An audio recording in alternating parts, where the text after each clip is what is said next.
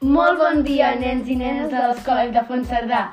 Aquest podcast avui us el presentem jo l'Arnau I jo, la Clàudia. Avui, dimecres 24 de novembre, Hi ha una temperatura de 6,9 graus. hi ha un, també hi ha una pluja de 8,8 l- de 0,8 litres per metre quadrat.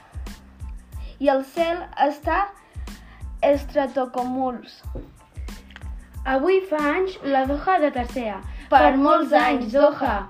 Avui és el Dia Mundial de l'Evolució.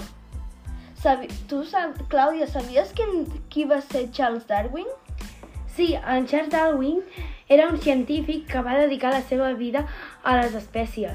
Ah, doncs ara que em dius això, me'n recordo que un dia a Vic vaig anar a una exposició que hi havia en Charles Darwin, Marie Curie i Einstein de cera. Ah, sí? No ho sabia.